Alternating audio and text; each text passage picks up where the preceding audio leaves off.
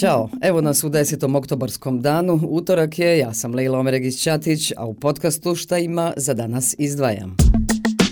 Zastupnici predstavničkog doma državnog parlamenta bi na hitnoj sjednici trebalo da daju saglasnost za četiri ratifikacije sporazuma, odnosno ugovora. Prva dva su sporazumi za priznavanje stručnih kvalifikacija doktora medicine i dentalne medicine te arhitekata u kontekstu Centralnoevropskog sporazuma o slobodnoj trgovini te onaj o priznavanju visokoškolskih kvalifikacija na Zapadnom Balkanu. A druga dva su ugovori o finansiranju za medicinski kompleks Banja Luka te za investicioni grant u projektu vodosnadbijevanja i sanitacije u Bosni i Hercegovini. Hercegovini.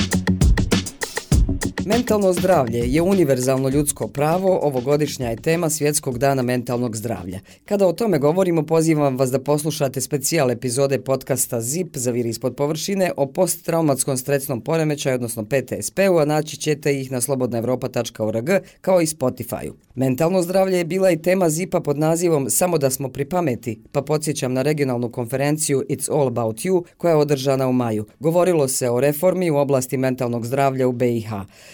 Tu je direktorica sekretarijata zdravstvene mreže za jugoistočnu Evropu Mira Jovanovski-Dašić rekla da se Bosna i Hercegovina Bosna i Hercegovina se pozicionirala kao predvodnik e, čitavog ovog procesa uspostavljanja ustanova za zaštitu mentalnog zdravlja u zajednici u cijeloj regiji. A direktorica Instituta za populaciju i razvoj Mina Osmanagić je na istoj konferenciji rekla da oba entiteta postoje 74 funkcionalna centra za mentalno zdravlje, te kako smatra da je jako važno što je za podršku mentalnom zdravlju osnaženo 13 nevladinih organizacija. I hoću da kažem da je preko hiljadu osoba sa mentalnim poteškoćama prošlo različite vrste programa kroz cijeli projekat mentalnog zdravlja i zaista se radi na destigmatizaciji ovih osoba. Mislim da je jako važno imati taj nevladin sektor koji može sam da djeluje. Činjenica je da smo pratili oporavak osoba sa mentalnim poteškoćama kroz radno-okupacijonu terapiju. I tu je oporavak, ne mogu reći 100%, ali sve osobe koje prolaze programe radne okupacije koje se rade u centrima za mentalno zdravlje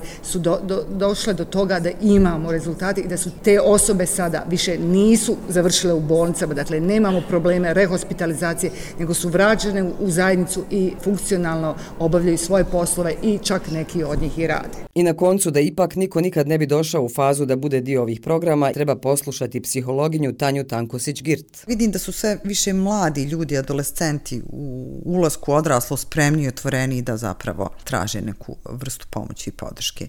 Stručnjaci iz mentalnog zdravlja su puno dostupni nego što se možda vidi. Pokušavaju da zaštite i porodice i djecu i kompletno i društvo i negdje bi pozvala za sve one koji osjećaju neke tegobe kroz duže od dvije ili tri sedmice na nekom ili emotivnom ili kognitivnom ili socijalnom planu da se svakako pokušaju javiti e, nekom stručnjaku ili stručnjaku. Danas je svjetski dan beskućnika. Pretužan je podatak iz 2015. da čak 1,6 milijardi ljudi nije imalo odgovarajući smještaj. A u 2021. svjetski ekonomski forum je izvijestio kako je 150 miliona ljudi širom svijeta beskućnici. No, kako se navodi dobiti tačnu sliku o globalnom beskućništvu izuzetno je izazovno, jer definicije beskućništva variraju od zemlje do zemlje. Ako tome dodamo i ratove koji se trenutno vode, ne možemo ni pojmiti koliko je ljudi ostalo bez krova nad glavom.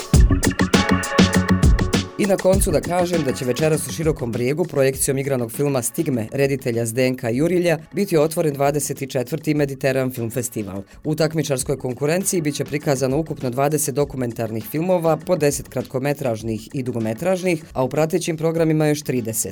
Direktor festivala Tomislav Topić kaže kako se uvijek nastojala stvoriti priča s bosansko-hercegovačkim autorima i autoricama i produkcijama, a zanimljivo je i to kako se Široki brijeg razvija u filmskoj umjetnosti. E, sedam je autora, je baš širokog brijega od tih deset tako da imamo i dugometražni igrani film, imamo i kratki igrani film i dokumentarni, a što je zanimljivo, imamo i animirani film od Tvrtka Karačića koji je imao premijeru na danima hrvatskog filma i koji je rađen u koprodukciji sa našom produkcijom Kadar, odnosno u koprodukciji sa Zagreb filmom. Mislim da je to jedna velika stvar, jer mi kao nekakvo malo mjesto možemo se ipak podičiti sa nekakvom profesionalnom produkcijom i evo Zdenko, njegov film, na primjer, je nekakva povijesna stvar za široki brijeg, da je tu napravljen jedan prvi dugometražni igrani film. Glumci su iz HNK Mostar, veći dio ekipe iz širokog brijega. Super, i sretno filmađijama u širokom brijegu, a mi se čujemo opet sutra ujutru na istom mjestu s novim temama. Ćao!